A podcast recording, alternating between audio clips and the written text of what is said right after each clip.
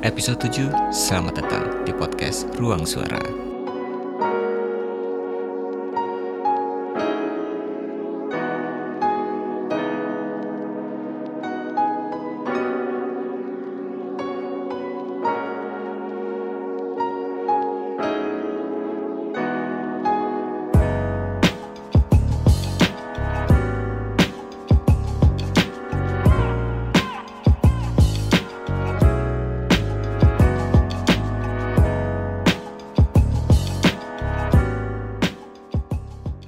Tuh akhirnya menemukan formula yang tepat.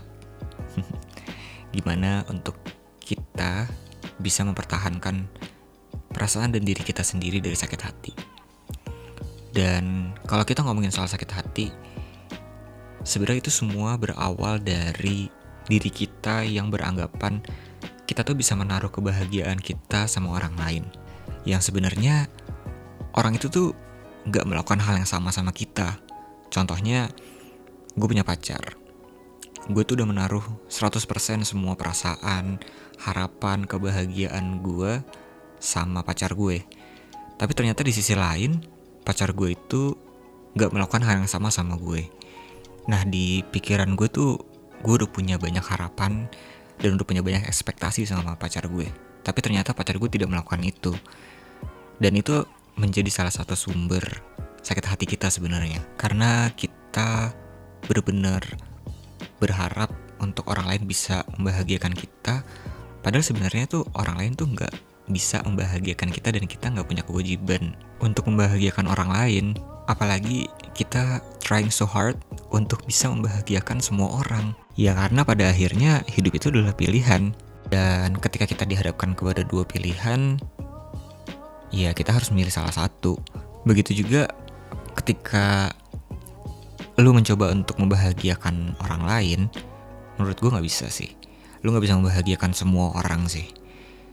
Dan yang terpenting adalah lu tuh harus bisa membahagiakan diri lu sendiri dulu sebelum lu bisa membahagiakan orang lain. Gue tahu sih mungkin ini akan terdengar amat sangat egois, tapi menurut gue itu adalah bagaimana kita as a human being itu bisa hidup dan bertahan sih. Dan yang lebih penting bertahan dari sakit hati. Kenapa gue bisa ngomong kayak gini? Kenapa gue bisa punya pendapat seperti ini? Karena selama ini bahkan sampai gue udah kuliah gitu, kayaknya tuh gue merasa hanya hidup untuk orang lain sih, dan hanya hidup untuk membahagiakan orang lain dan orang-orang terdekat gue. Gue tuh mencoba untuk membuat orang lain seneng. Gue tuh berusaha untuk ngebanyol gue selalu berusaha untuk ada buat teman-teman gue tapi beberapa kejadian membuat gue sadar kalau sebenarnya temen gue nggak seperti apa yang gue harapkan.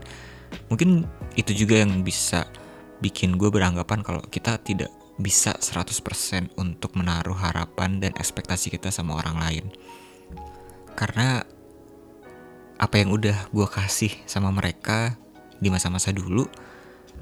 Tapi ketika gue butuh mereka ya mereka nggak ada aja gitu. Ya well nggak semua teman gue sih tapi beberapa teman-teman gue yang dulu sempet deket sama gue dan gue banyak berharap sama dia ya akhirnya gue dikecewa, dikecewakan sama mereka sih. Dan dari kejadian itu ya akhirnya gue merasa kalau gue itu memang hidup untuk membahagiakan diri gue sendiri gitu.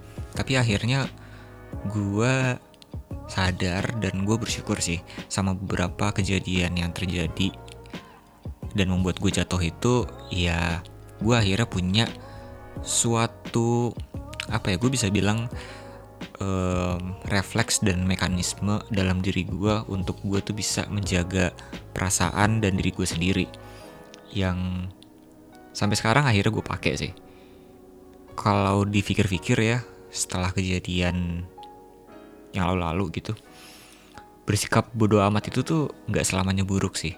Yang penting gimana kita aja sih bisa memposisikan diri kapan harus bisa bersikap bodoh amat dan yang enggak ya kita sebenarnya masih bisa aja bersimpati berempati sama teman-teman kita gitu tapi menurut gue kita juga harus bisa membatasi diri sih. Karena sumber sakit hati itu sebenarnya ada di gimana kita berusaha untuk masuk lebih jauh ke dalam kehidupan orang lain itu dan kita mencoba untuk menjadi bagian dari hidupnya mereka. Dan sebenarnya apa yang mau gue bilang adalah sakit hati itu berasal dari rasa kepo kita yang berlebihan sih. Tapi bukan berarti kita menjadi ignorance sama teman kita ya. Kita masih bisa tetap dengerin keluh kesah mereka, kita masih bisa ada buat mereka, dan kita juga masih bisa menjadi pendengar yang baik buat mereka. Tapi di saat yang bersamaan juga, kita tuh nggak punya tanggung jawab dan juga kewajiban untuk masuk ke dalam masalah mereka lebih dalam.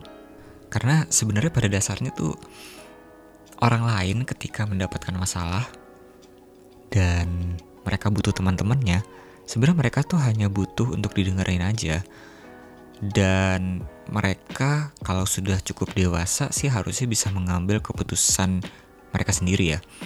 I mean, orang lain tuh udah punya masalah mereka sendiri, orang lain udah punya masalah mereka yang berat, dan siapa kita datang ke mereka untuk meminta saran terhadap masalah kita yang seharusnya bisa kita selesaikan sendiri gitu. Dan sebenarnya nggak baik juga sih karena ketika misalnya kita cerita sama orang lain atau ketika kita cerita sama teman kita, terus kita minta saran dari mereka yang sebenarnya tidak berasal dari diri kita sendiri gitu. Terus ketika kita pakai saran mereka dan saran mereka ternyata gagal dan gak works buat kita, nantinya kita akan menyalahkan orang lain gitu terhadap hidup kita. Dan itu malah membuat kita malah tambah jatuh lagi dan malah tambah sakit hati.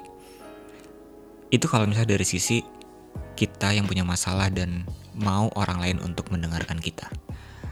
Kalau posisinya dibalik, ketika kita sedang mendengarkan cerita teman kita atau cerita orang lain, menurut gue ya udah kita cukup menjadi pendengar yang baik saja dan tidak usah terlalu mencari tahu lebih dalam lagi tentang masalah mereka. Kita nggak pernah tahu seberapa dalam masalah orang lain, kita nggak pernah tahu apa yang terjadi dalam masalah itu.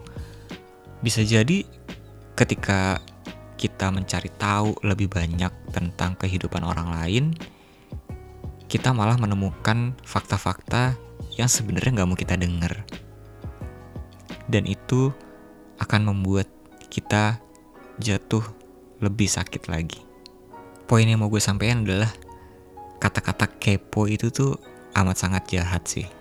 Ketika kita tahu suatu hal, manusiawi secara naluri kita pasti akan mencoba mencari tahu lagi, lebih dalam lagi. Yang sebenarnya pada akhirnya itu akan membuat kita lebih sakit hati lagi karena sebenarnya yang kita tahu hanya sedikit. Kita nggak pernah tahu kalau ternyata temen yang selama ini kita anggap dekat atau orang yang selama ini kita anggap dekat menyimpan lebih banyak rahasia yang sebenarnya nggak mau kita dengar.